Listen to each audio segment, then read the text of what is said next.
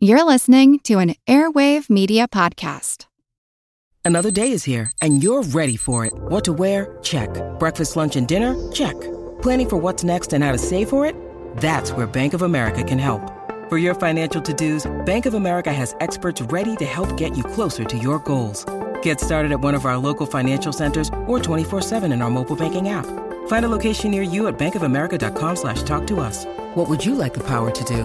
Mobile banking requires downloading the app and is only available for select devices. Message and data rates may apply. Bank of America and a member FDIC. As a longtime foreign correspondent, I've worked in lots of places, but nowhere as important to the world as China. I'm Jane Perlez, former Beijing bureau chief for the New York Times. Join me on my new podcast, Face Off US versus China where I'll take you behind the scenes in the tumultuous US China relationship. Find Face Off wherever you get your podcasts. This is Kick Ass News. I'm Ben Mathis.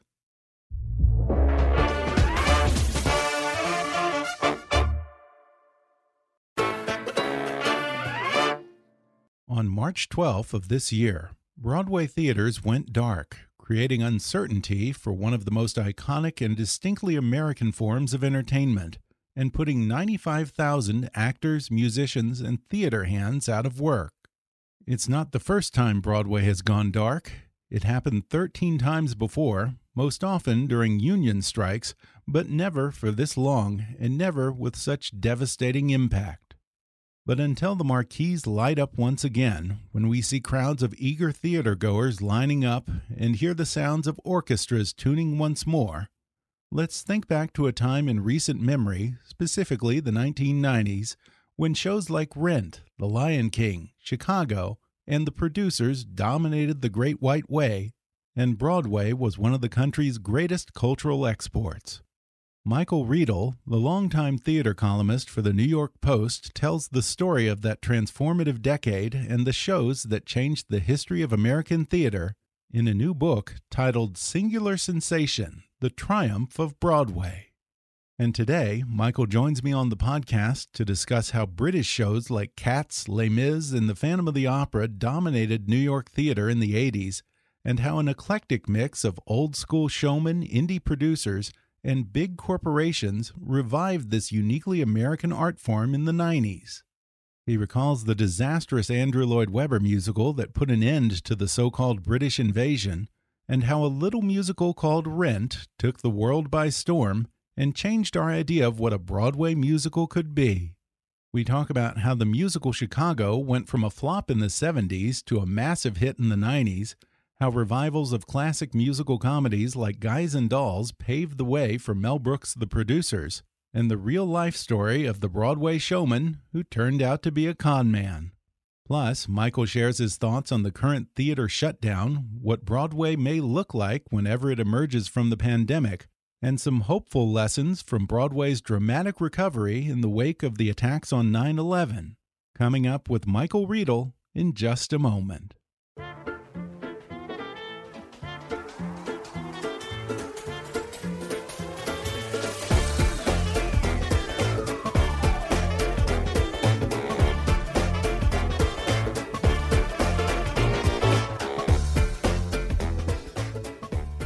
Michael Riedel has been the theater columnist for the New York Post since 1998.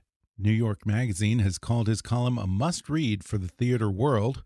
Michael began his radio career as a regular on the Imus in the Morning show in 2011, and he currently co hosts the Len Berman and Michael Riedel in the Morning show on WOR, which is the highest rated morning radio program in the New York City area.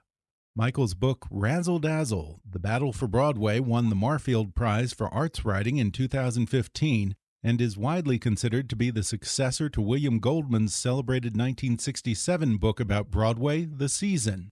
Now, Michael is out with a successor to his own book titled Singular Sensation The Triumph of Broadway. Michael Riedel, welcome to the podcast. Good to be with you, Ben. Good to be with you.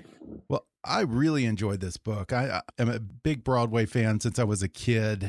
And I, the thing that I love about all of this is the backstage stories and the rivalries and all of the you know come from behind successes of these shows and stuff. A lot of them sound straight out of a Busby Berkeley movie, okay. but it, you open the book by saying that you didn't intend the subtitle of the book, "The Triumph of Broadway," to be ironic. no, but, I certainly did not.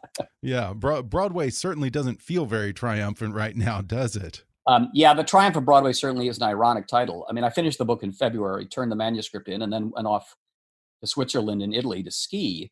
And while I was there, I you know took a picture of a glass of wine I was drinking on the slopes of northern Italy with the Matterhorn in the background. Texted to my girlfriend. She said, "Where are you?" I said, "I'm in Italy." She said, "Do you have any idea what's going on?" I was vaguely aware of the coronavirus, but I wasn't paying that much attention to it, to be honest with you. Uh, I was paying more attention to the primaries, uh, Biden versus Bernie Sanders then. Mm-hmm. And she said, "Get out of Italy! You know this thing is spiking all over the place." And I was like, "Yeah, well, you know, please. It's, it's in China. Maybe it'll hit Seattle. I'm not too concerned." Within two days, the resort I was in was shut down because of the coronavirus. Wow. And when I got back to New York, a few days after I got back, Broadway was shut down.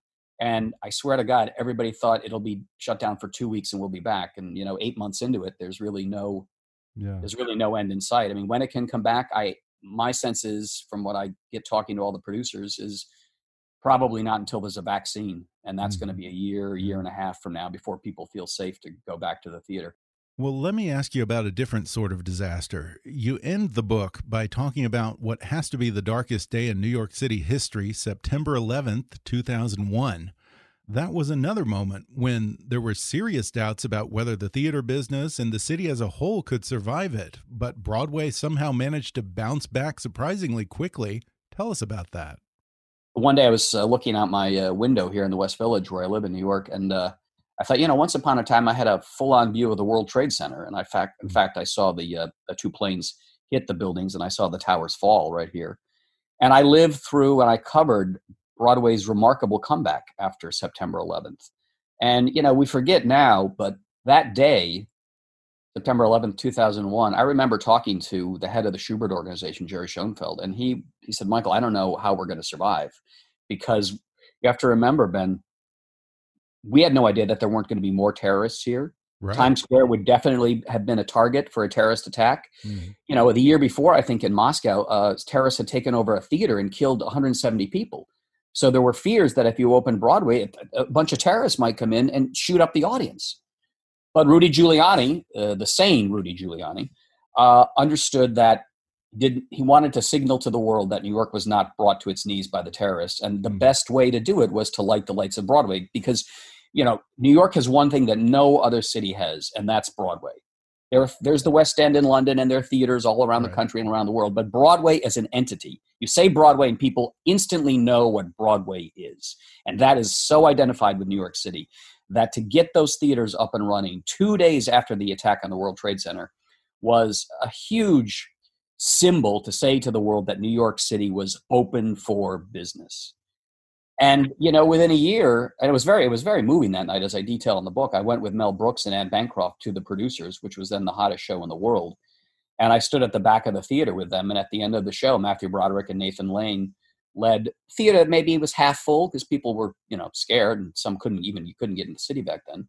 But maybe 800 900 people in the theater and they led them singing you know god bless america in tears and it was it was wow. incredibly moving and within a year broadway was back to posting record grosses and through a series of strategies I outlined in the book, it was a really, really remarkable comeback. Yeah. So that's why I subtitled the book "The Triumph of Broadway." Uh, now, the pandemic is, of course, a very different kind of disaster for Broadway. But I wonder if you see any hopeful parallels between these two events. You know, the big difference between the pandemic and September 11th was after the terrorist attacks, people wanted to be together.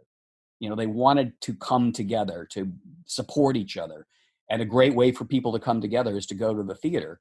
But the coronavirus means you can't be together.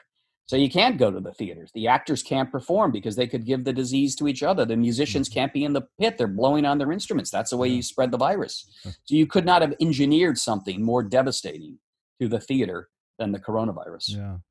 And traditionally, Broadway sees a lot of big openings in those two or three months leading up to the Tony Awards.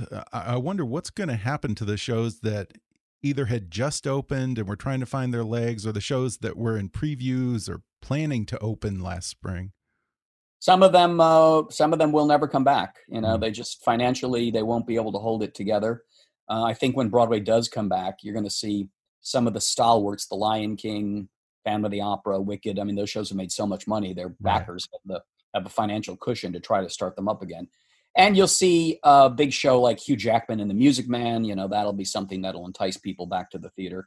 Mhm. but a lot of the shows that were kind of struggling even before the pandemic hit that y- you won't see them come back. And you know you're not going to see every theater full uh, maybe eight or nine shows when it first comes back. Hmm. and you're not going to see ticket prices at a thousand bucks you know having gone through this pandemic and this great recession that we're in right now there's no way broadway can open and say hey we're back in business come and pay a thousand dollars to see hamilton Yeah. that means the theater owners and uh, producers are going to have to figure out a whole new financial structure negotiating with all the unions to make the theater affordable to entice people to come back I'll tell you, this is one thing that concerns me about the future. I- I know that the Wickeds and the Lion Kings of Broadway will survive post pandemic, but I worry about revivals. You mentioned the Music Man, which of course has a big star, so Yeah. you know it'll probably be fine. But do you think that I'm ever going to be able to take my daughter to see classic like Oklahoma, My Fair Lady, Kiss Me Kate, and all of these you know really great Broadway classics, the kind of shows that we think of in any other setting than a high school musical when this all settles down?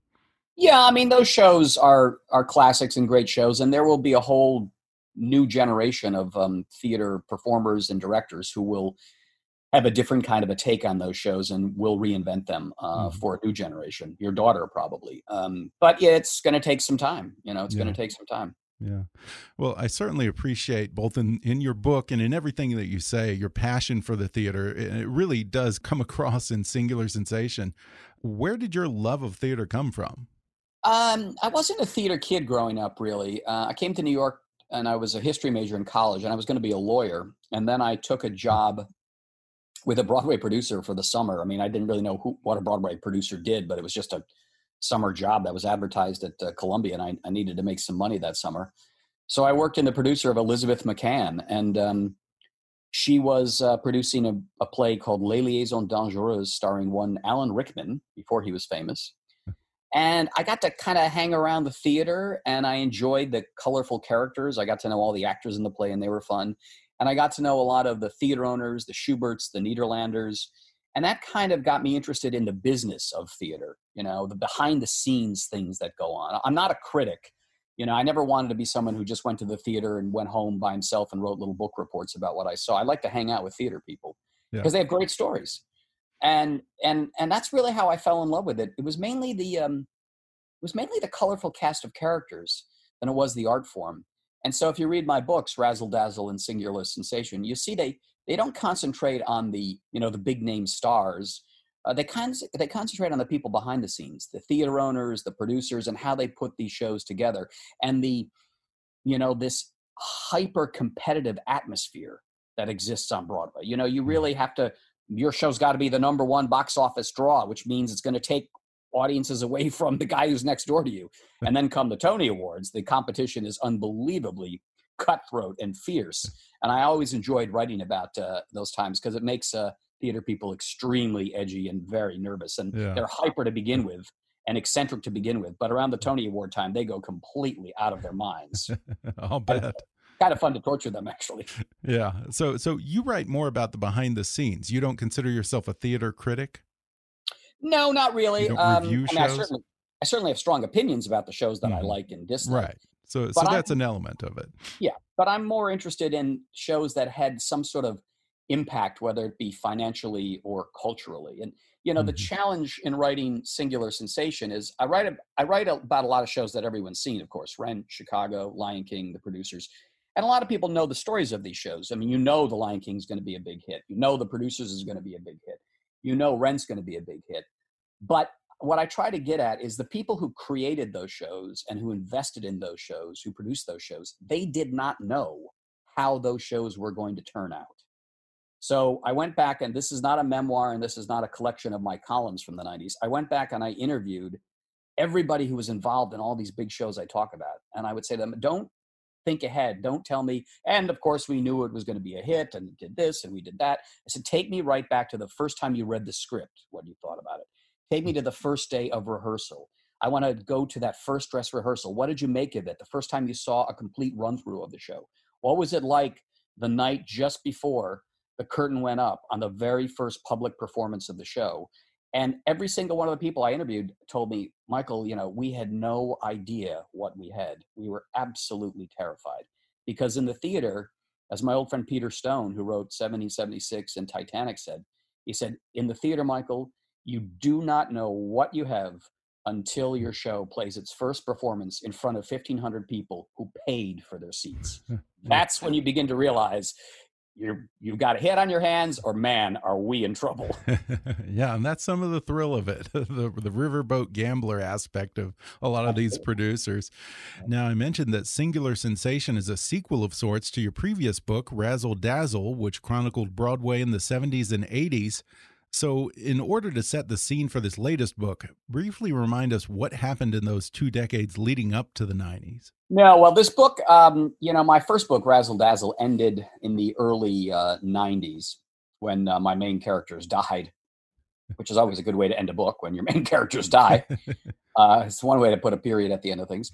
In any case, um, uh, my publisher, Simon and Schuster, Avid Reader Press, they wanted a, a sequel, and I began to think, well, what's a sequel to that? Because the first book was really the struggle to save Broadway uh, in mm-hmm. the 60s and 70s when the city was going bankrupt and Times Square was full of prostitutes and drug dealers.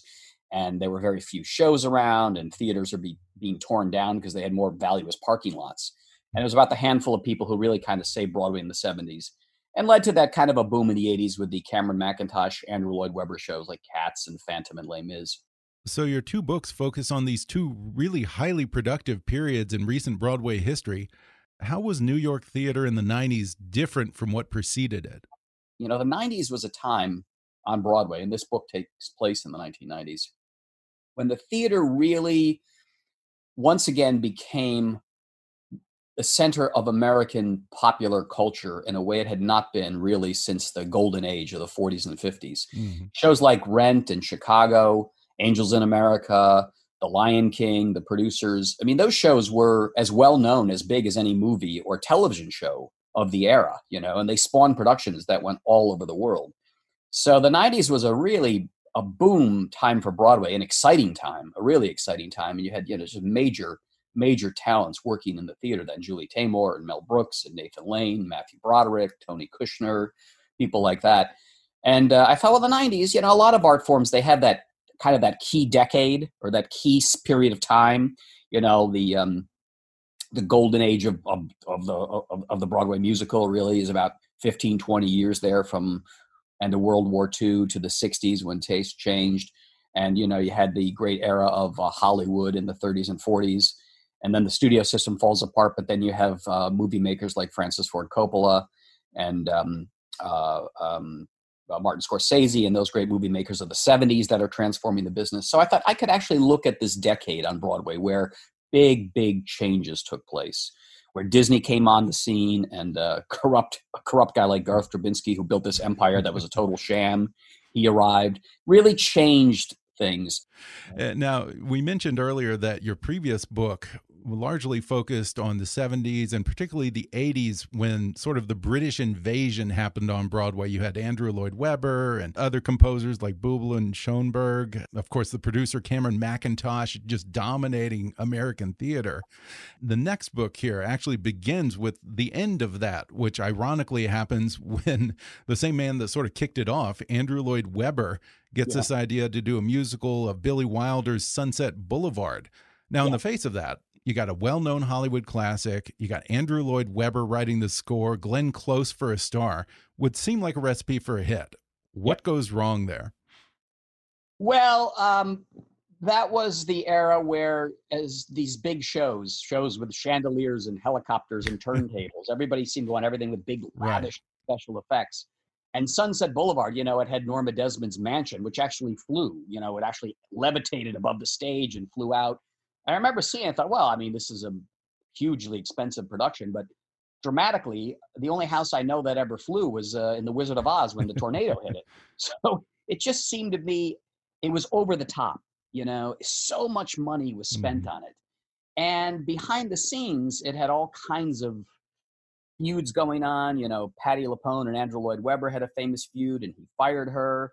And then he fired Faye Dunaway from the Los Angeles production, and everybody was suing everybody else. And he had a falling out with Glenn Close at one point. Hmm. and the show just it wasn't in the it wasn't in the newspapers because it was good, although I, I think it's a fine show and I and I think it's one of Andrew's best score. It always seemed to be in the papers because of controversy. You right. know, behind the scenes drama, backstabbing, all that kind of stuff. And all it was also wildly expensive. I mean, I think it was $14 million, the most expensive show of all time in New York. And you have to remember that as much as you and I may love Sunset Boulevard, it still remains something of a kind of a cult movie for people who are real fans of Hollywood and show business. Hmm. It never really had that wide mainstream appeal that say, I mean, Cats has mainstream appeal because half the world loves cats. So there you go. That's a there's a big audience for you right there. Sunset yeah. Boulevard never really had that, and it was just so expensive. It cost so much to run that it it ran two and a half, three years, I guess. Can't remember now. And it sort of looked like it was a hit, but when Glenn Close left it, the box office was never mm. as strong as it was when she was in it. And then the whole thing just kind of imploded on itself. And I remember in one of the weirder twists I don't know. For some reason, Webber hired a New York lawyer with no professional theater experience to write the lyrics for the show. Do you remember yeah, well, that? How yeah. did that happen? yeah, the first person, one of the first people he hired, and she, I opened the book with a, uh, an interview I did with her. Her name was Amy Powers, and she was a young lawyer, but she wanted to write lyrics. And uh, a friend introduced her to um, Lloyd Webber, or told told Lloyd Webber about her. And one day she got a call. Hello, this is Andrew Lloyd Webber. Would you like to come to the south of France? so you know, next day she's on a plane, and she worked with Andrew, but you know she was kind of a novice lyricist, and uh, Andrew brought in his old pal Don Black, who's a well-known mm-hmm. lyricist. You know, he wrote "Born Free" and "Thunderball" and "Aspects of Love with Andrew," and uh, pretty soon, poor little Amy Powers was she was banished from the Lloyd Webber kingdom. and as I say, hers was the first head that rolled down Sunset Boulevard because a lot more heads were, yeah. were to follow hers. But the, but the whole point of opening with Sunset Boulevard was we didn't know at the time that this was going to be the end of an era. Mm-hmm. I mean, hmm. it still looked like Andrew was on top, and those kind of big shows what the audience wanted. But as Sunset Boulevard began collapsing, there was a kid working on a show, somebody no, none of us had ever heard of before, writing a show we'd never heard of before. That where Sunset Boulevard cost $14 million, this show would cost about $100,000 off Broadway. And that show was Rent, written by Jonathan yeah. Larson. Sunset collapses. And then, you know, sad to say, Jonathan died before he saw the success yeah. of Rent. He, you know, he died right after the first dress rehearsal, alone in his apartment when he put on the tea kettle and had an aneurysm, dead before he hit the floor of his kitchen. But that ended the British era. And then after Rent, you get the Americans come back to Broadway. Hmm. You get Chicago, and you get uh, you know the plays with Tony Kushner, and you get Edward Albee's great return from the wilderness of all those years. And you know you got the revival of Guys and Dolls with Nathan Lane, directed by Jerry Zaks and that all kind of leads up to um, you know the great musical comedy of the era. Mel Brooks is the producers. We're going to take a quick break, and then we'll return with more when we come back in just a moment.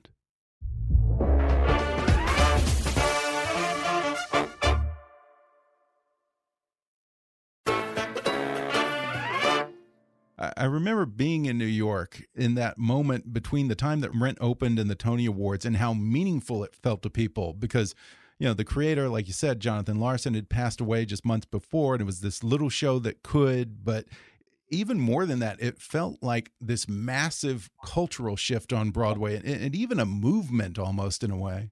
Yeah. Well, you know, eh, what was interesting about Rent, and I thought about this as I was putting together these chapters on the show. You look at the shows that were popular before Rent. Okay, you had Sunset Boulevard, and you know that's set in Hollywood of the 1950s and the 1920s. You know, Les Mis is set in the Revolution of 1848 in Paris, and there's Phantom of the Opera, a romantic uh, musical set in the Paris Opera House of the 19th century, and and Cats. I don't know where Cats is set. I mean, it's on a tire with a lot of smoke. But Rent was set in contemporary times. It was set in what was happening in New York then. It was about struggling artists. It was about kids who had drug problems. It was about people who were dying of AIDS. It was about the gentrification of neighborhoods that were pushing these struggling artists out of their apartments because they could no longer afford them. And it was about young people. It was not set in the remote past. It was not set in a fantasy world. It was set in New York City of the time, and it made Broadway contemporary again. Mm-hmm. You went to Rent, and what you saw on that stage, you could look around when you left the theater and you saw happening around you outside.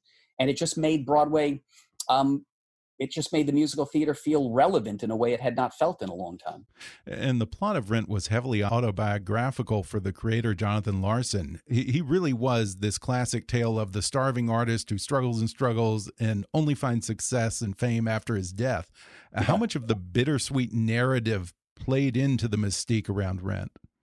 Well, I, I did not meet Jonathan Larson because he, you know, he died, um, and I never, I didn't I'd never heard of him. I remember uh, the press agent for the show called me. I was at the Daily News then covering the theater, and he called me. He said, oh, "I've got some sad news." I said, "What?" He said, "You know, Jonathan Larson died last night, and we're just about to open his show Rent." And I said, "Richard, who's Jonathan Larson? I, I barely heard of this little show off Broadway." And I remember saying, "Well, I mean, I can only give you about a paragraph because no one knows, no one's ever heard of this kid."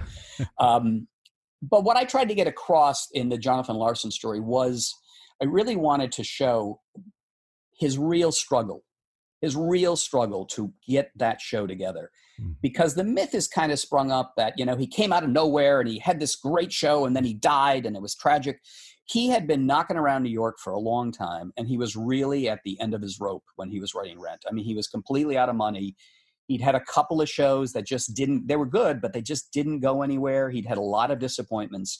And he was telling friends if rent didn't work out he was going to have to reevaluate his entire life and figure out something else to do because he would have had to admit the failure in his dream to become a musical theater writer. It just was not happening for him.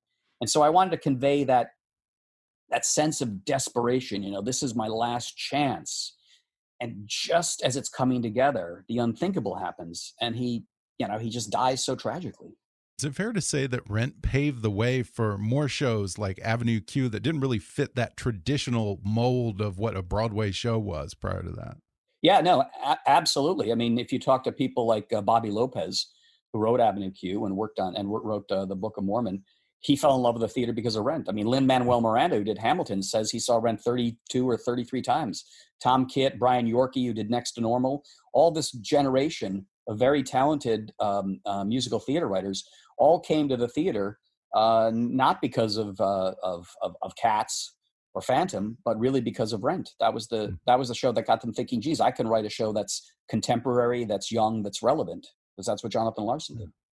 And I guess equally significant is the fact that this heavyweight producer who dominated the business for a decade or more, Cameron Mackintosh, largely takes a break in the 90s with a few not so notable exceptions. And yeah that void is filled by this whole new generation of American producers who ranged from uh, those who still kind of fit that classic archetype of the Broadway showman to the big corporations and movie studios like Disney, and also uh, this new breed of more daring indie producers like the ones behind Rent. Uh, yeah. It strikes me as a surprisingly eclectic group that emerged in the 90s. Yeah, you know, Kevin McCollum and uh, Jeffrey Seller were the two young producers of, of Rent, and you know they they were pretty much unknown to me back in those days. They were, I mean, I think uh, Jeffrey was working in a little booking office and Kevin owned the office, but he just bought out his partner. So they didn't have any money and they were really scraping stuff together to get rent going. But, you know, Kevin and Jeffrey, after the success of Rent, they went on to do Avenue Q. And Jeffrey, of course, did Hamilton and Kevin's done uh, Dirty Rotten Scoundrels. So they became major, major players. Uh, and they were kind of the new breed of a younger group of producers. Uh, my friend David Stone, he was coming up in the ranks then with, um, he had the vagina monologues and eventually he got Wicked, which uh, has made him a vast amount of money, I can assure you. And, you know, then two of my favorite characters in the book, old, old friends of mine, are Fran and Barry Weissler, who are really, I mean, they're, they're of a, they're of a, they are classic Broadway characters, you know, yeah. and they produce Chicago. And again, you know, we think of Chicago as this hugely successful empire. But it started out as a concert at the Encore series here at City Center. It was to run only four performances. And Fran and Barry caught one of the last performances and, and they loved it. And Fran called her friend Fred Ebb, who uh, with John Kander wrote the show. And she said, Fred, you know, if you could find it in your heart just to give us a little piece of the show when it moves to Broadway, we would be so grateful. And Fred said to Fran, he said, you know, Fran, no one's called about it because everybody thought, well, it's a concert. You know, it's a, it's, it doesn't have a chandelier that falls. It doesn't have a turntable. It doesn't cost a gazillion dollars. It's just this concert. Who's going to pay and this is kind of hilarious. Who's going to pay the top ticket price in 1996 of $75 to see a concert on Broadway? So nobody wanted to produce Chicago. And Fran and Barry, they couldn't raise the money. They couldn't raise the money to get the show up. And they had a couple million dollars maybe. They'd been, you know, successful on Broadway, but they were by no means, you know, Cameron Mackintosh kind of rich. Mm-hmm. And they violated Mel Brooks's cardinal rule of showbiz they decided to put their own money into the show. And and I I have this scene in my book, as Fran told me. She said, you know, that night Barry and I we crawled into bed and I turned out the light and I pulled the covers over my head and I said, "What have we done? What have we done?" you know, 23 years later, uh, the worldwide gross yeah. of Chicago stands at about four billion dollars, and Fran and Barry have about 75 percent of that. Yeah. And I have seen the estate that Chicago built. yeah, they're the only people that I know who have their own amphitheater in their backyard. they do. They do. That's right. Chicago money is very, very good money. But again, that's yeah. an example of I really wanted to put the reader in Fran and Barry's lives and minds at the time, mm. and the mm-hmm. real fear that they had. You know, putting a lot of their significant significant amount of their net worth into a show that everybody was saying oh, come on, it was from the 70s. It was overshadowed by a chorus line. The only people who know Chicago are a bunch of musical theater fans. It never had currency beyond the musical theater geeks. And who's going to pay to see, you know, people just wearing uh, black dresses and the and uh, I remember right. people saying, and the orchestra's on stage. Nobody wants to see an orchestra on stage. It was the most ridiculous thing you could do. Yeah. Uh, now, the original 1975 production of Chicago I think it closed after less than three months. But then this revival, as you kind of mentioned, it's the, I think the longest running revival and the second longest running musical after Phantom. Yeah, Why absolutely. was it a flop in '75 and a massive hit in the '90s? Well, I'll tell you, um, a couple of things. In the '70s, uh, directed by Bob Fosse, because the show, as you know, is is a brutally, it's a fun show. It's a musical comedy, but it's brutally cynical. Mm -hmm. You know, it makes fun the justice system. It's all showbiz folks. It's all smoke and mirrors. How can they see with sequins in their eyes? You know, and if you have a good, if you got a good show, the lawyer's got a good show, you can get the murderous uh, out of jail, which is what happens. So there was a kind of darkness to it that maybe was a little bit ahead of its time, a biting satire, some tough staging by Bob Fosse but it was also completely overwhelmed that season by a chorus line, which became the great show and just smothered Chicago. Now you jump ahead to the mid 90s. Now, why does Chicago work? Interestingly, because the six months before Chicago opens, you have Rent, which I said is now contemporary, right? Right. Well, what is Chicago about? It's about the justice system as showbiz. So, what is going on in America at that time that Chicago opens at Encores, the O.J. Simpson trial. How can they see with sequins in their eyes? If the glove don't fit, you must acquit. Suddenly, Chicago was relevant because every night we were seeing essentially the musical Chicago played out in a Los Angeles courtroom with Johnnie Cochran as Billy Flynn. Yeah, I've heard that before. I've heard the whole OJ theory of Chicago. Yeah, that's yeah, interesting.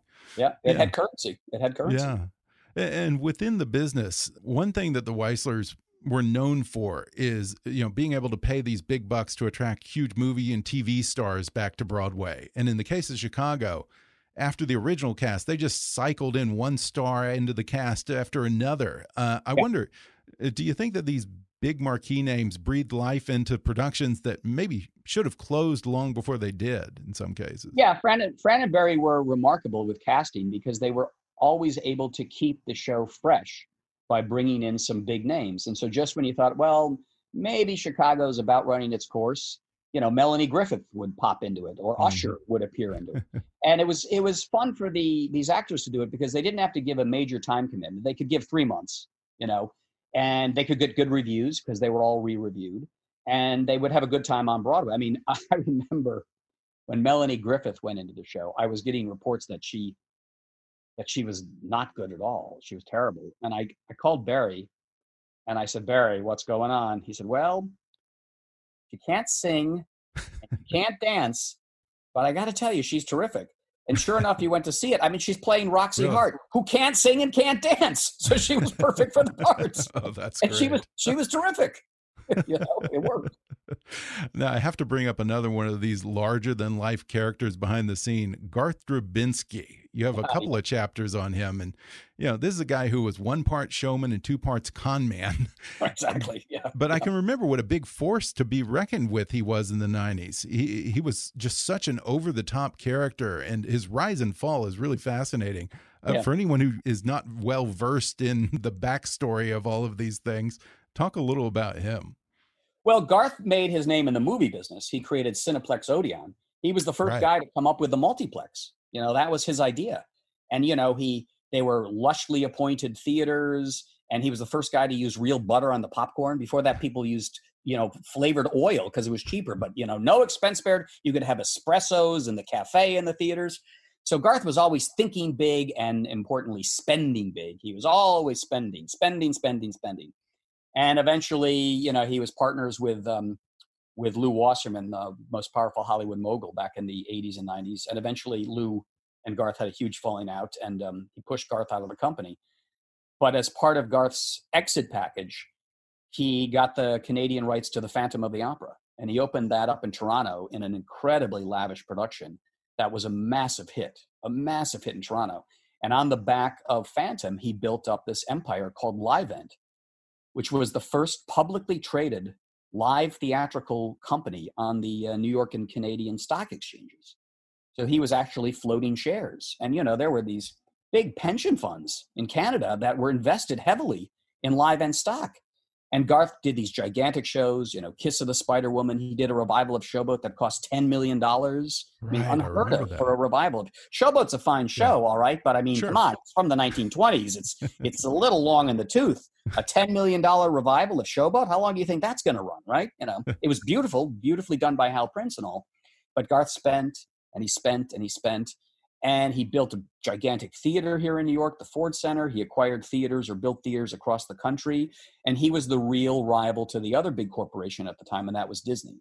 Mm-hmm.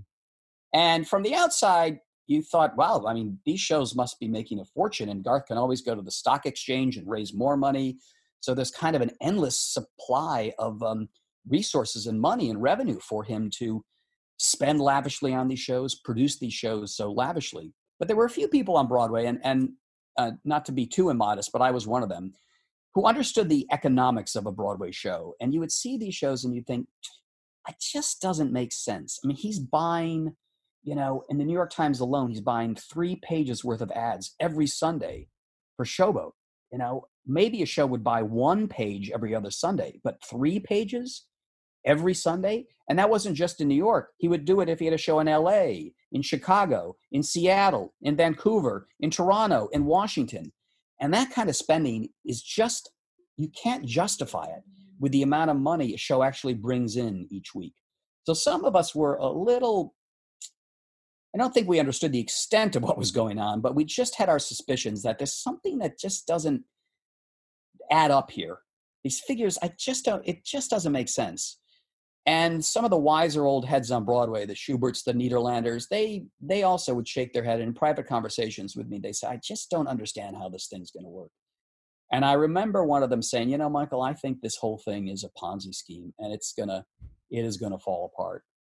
And indeed uh, by the end of the 90s uh, turned out that um, garth and his business partner myron gottlieb they literally like Bialystock and bloom they'd kept two sets of books they had one set of books that showed their investors and the stock exchange and the auditors that all their shows made money and everything was great. And they had a secret set of books that showed this ever widening sea of red ink.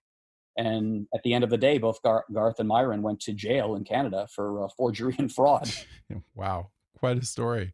Yeah. Now, now, speaking of Bialystock and Bloom, I wonder how much of the success of revivals in the 90s, like Guys and Dolls, Chicago, Crazy for You, which is sort of a revival, but not quite, paved the way for what I think is the Broadwayest of all Broadway musicals, The Producers. Yeah, absolutely. One of the uh, one of the threads that emerges in Singular Sensation is the return of the American musical comedy, mm -hmm. and that really begins in the '90s with "Crazy for You," which used old Gershwin songs, but it had a new script, and it was so brilliantly directed by Mike Ockrent and Susan Stroman. It felt new, yeah. And I remember I was trying to kind of trace in my mind, I was trying to figure out, all right, what would be the what would be the show that really began to remind us of the joys of American musical comedy? And I, you know, I was there for Crazy for You, and I thought, yeah, Crazy for You was a lot of fun. It really had so much energy, seemed to whole, lift the whole business back in the early 90s. So I went back and I read Frank Rich's, he was the New York Times critic then. I read his review of the show. And his opening paragraph, and I'm paraphrasing here, said, When future historians of Broadway go back to figure out when the Americans took back the theater from the British. They can start with Crazy for You. I thought, aha, I got it. And Crazy for You was followed a few months later by the wonderful revival of Guys and Dolls with Nathan Lane, that again did not feel that it was old. It did not feel mm-hmm. that it was a show from the 1950s because Jerry Zaks, the director of it, and Michael David, who produced it, they did not want to just take something out of the mothballs and put it up in an old fashioned way. They wanted to treat mm-hmm. Guys and Dolls as if it were a new show, as if the script and the score had just been turned in by young writers and they were going to have to stage this musical as if it had never been staged before. And so, therefore, Jerry Zaks did not want older stars in it. He wanted people that the public really didn't know, such as one Nathan Lane and one Faith Prince, who became stars because of Guys and Dolls. And that excitement, that energy, that reminding American audiences of the real pleasure of a great musical comedy is what ultimately leads to Mel Brooks creating the you know the big musical comedy of the decade, and that's the yeah. producers. And what I loved most about the producers was, you know, even though it was a big musical with broad appeal, if you were a real theater fan, it was just packed with this whole other layer of you know kind of traditional Mel Brooks gags and references to Broadway history, from the posters in Max Bialystock's office to yep, that yep. final scene with the various marquees lighting up with titles like "High Button Jews" and a streetcar named Murray. And, and, and I never laughed more in my life. Cats, K A T Z, and she yes. strips to conquer, my, which happens to be my, my favorite. You know, it was interesting. I inter- I always try to interview as many of the as many of members of the creative team as the show as I can, which includes mm-hmm. the costume designers and the set designers because they have a lot of insight into how these shows come together. And I interviewed the the brilliant Robin Wagner who did the sets for uh, the producers. And I didn't realize this at the time I saw the show; it completely eluded me. But Robin pointed it out to me. He said, "You know, I realized in Mel's script there were lots of references to all kinds of shows from the past. So in my set designs for the show, they also echo great Broadway musicals of the past." So he has, um, you know, in one scene he has just the brick wall, the back of a theater. Well, that's Kiss Me Kate. Uh, oh, you yeah, know, yeah. that's Kiss Me Kate. Another scene, uh, the um, the uh, little old lady song where they're all tap dancing on their walkers. Right. That whole set echoes the Loveland set from Stephen Sondheim's Follies. I, you're right. That's funny. I never even thought about that. yeah. So so wow. throughout that, there are all these echoes of other Broadway shows, and there's hmm. um, there was a mirror. There's some use of a mirror somewhere in the show. Trying to remember where, but that was oh. an echo of the of the of the mirror in uh, in Cabaret.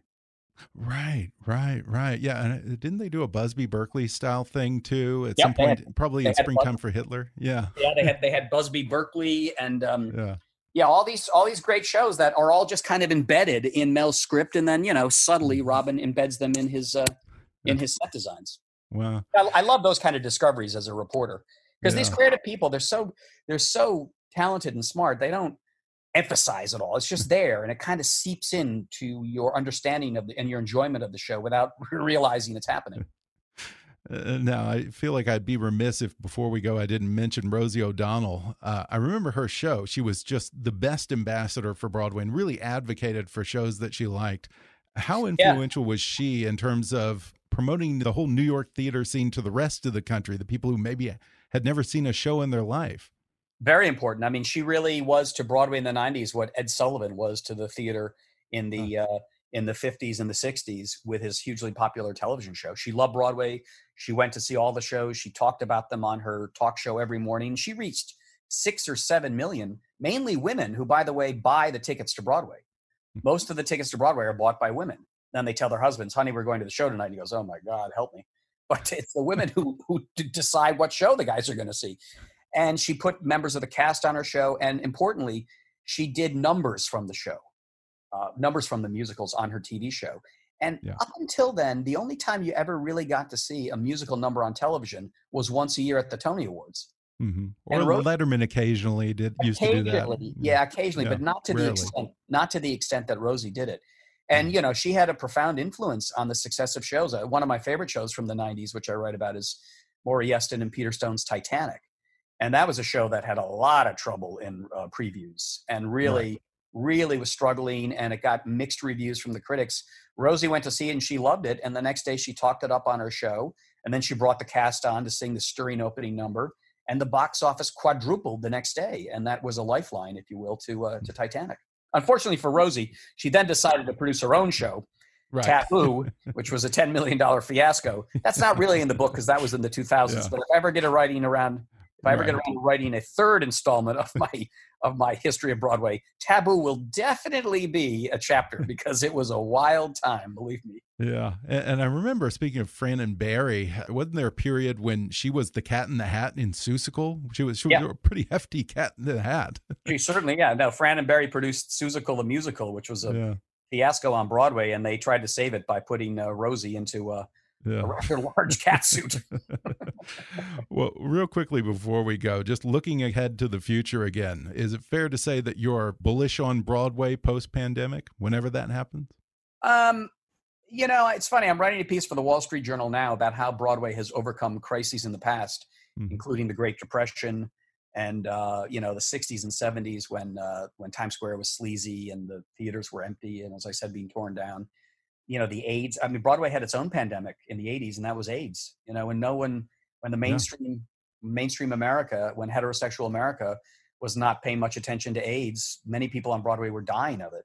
You know, and Broadway had to come up with its own support system to help those people, and it did with Broadway Cares, Equity Fights AIDS. And then, of course, September 11th and how it went through that crisis. This one is different because Broadway's never been shut down this long. Um, and so much of this is really out of broadway's control because it's it's really about getting a vaccine so that people feel mm. safe going back to the theater again so yeah. i do think uh, i do think it will come back um, and i think when it comes back broadway is very good at staging comebacks they they know how to bring the showbiz excitement to the return of the great white way and i know they will do that brilliantly it's just a question of when will they be able to do that mm. and i don't think anyone can answer that question right now yeah, well, hopefully something to look forward to. And, and, again, I just really adored this book. The stories are fantastic. I highly recommend it to folks. It's called Singular Sensation The Triumph of Broadway. Michael Riedel, thanks for talking with me. A pleasure, Ben. Anytime. Thanks for the uh, thanks for the interest. Thanks again to Michael Riedel for coming on the podcast. Order his new book, Singular Sensation: The Triumph of Broadway, on Amazon, Audible, or wherever books are sold.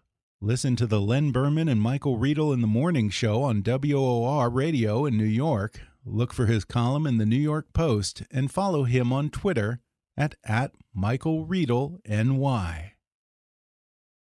If you enjoyed today's podcast, be sure to subscribe to us on Apple Podcasts and rate and review us while you're there. Five star ratings and detailed reviews are one of the best ways for new listeners to discover the show. You can also follow us on Facebook or on Twitter at, at KickassNewsPod and recommend us to your friends on your social media. For more fun stuff, visit kickassnews.com, and I welcome your comments, questions, and suggestions at comments at kickassnews.com. For now, I'm Ben Mathis, and thanks for listening to Kickass News.